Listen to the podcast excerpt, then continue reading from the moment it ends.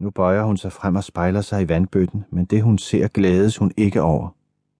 Hendes øjne er alt for lyseblå og skiller hende ud fra andre.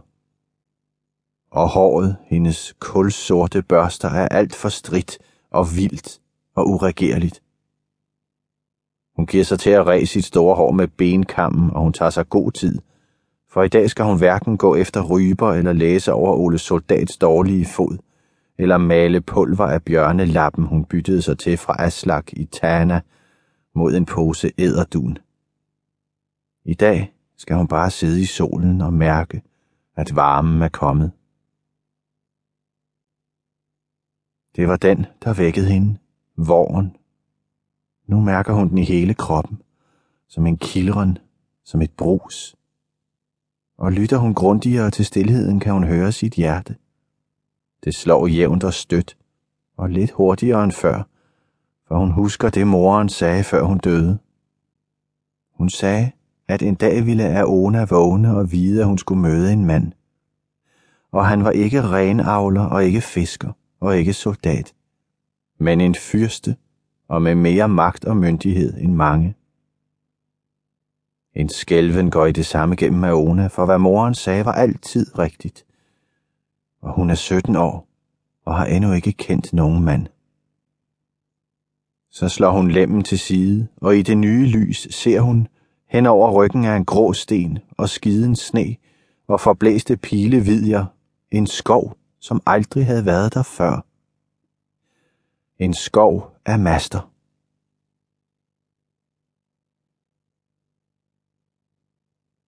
Kapitel 2 det var der også et usædvanligt besøg, Varedø havde fået denne majdag i 1599. I Busses sund lå en flåde på otte danske overlovsskibe. Først og størst og smukkest af dem var Victor, flådens flagskib. Så fulgte Gideon og Josafat og Rafael og Hector, Sankt Michel, Papegøjen og sidst og mindst Råbukken. Usædvanligt var det også, at Victor til lejligheden ikke førte kongeflaget i stortoppen. Det var dog på dette skib ekspeditionens egentlige leder befandt sig. Det var en høj, statlig og nok så smuk mand på 22 år. Han forlangte at tituleres som generalkaptajn Christian Frederiksen. Og skulle nogen komme for skade og røbe hans rette navn og stilling, skulle de kastes i havet, hænges i rånokken eller kølhales, til der ikke længere var Guds ånde i dem. For øjeblikket sad generalkaptajnen til bords i Kapernaum. Han havde givet salongen dette navn, fordi den skulle være et sted for såvel kontemplation som måltider. Nu havde man mistet både humøret og appetitten og kunne derfor hverken kontemplere eller spise. Det alt for salte flæsk, de dårligt kogte ærter og en tung dønning fra ishavet havde gjort ham utilpas. Desuden greb han sig stadig oftere i at længes tilbage til sit egentlige rige, det evigt grønne, gæstfri og venlige Seeland, Sjælland. Pludselig rejste han sig og råbte en ordre. Vi går i land! En halv time senere løb letbåden op på stranden, og Christian trådte ud i søle, rådnende tang og stinkende fiskeindvolde. Skriveren, Jonas Carisius, trådte straks frem med lugteflasken, men blev afvist. Dette er Norge. Tåler man ikke atmosfæren, så var det bedre, man holdt sig hjemme.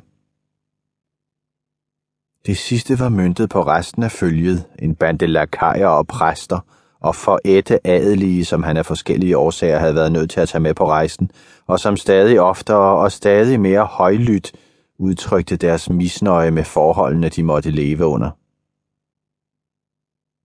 Snart skulle de se fæstningen.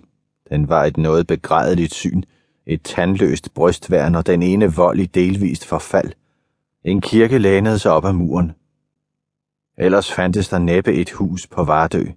Folk levede vist mest i jordhuler og kåder rundt omkring. En lille flok kom dem hastigt i møde. Den forreste hilste reglementeret og præsenterede sig som Hans Olsen Kofod og høvedsmand på Vardøhus. Christian Frederiksen, sagde Christian, generalkaptajn. Kofod stussede et øjeblik. Så sagde han, at han gerne ville ønske generalkaptajnen velkommen til sit bord.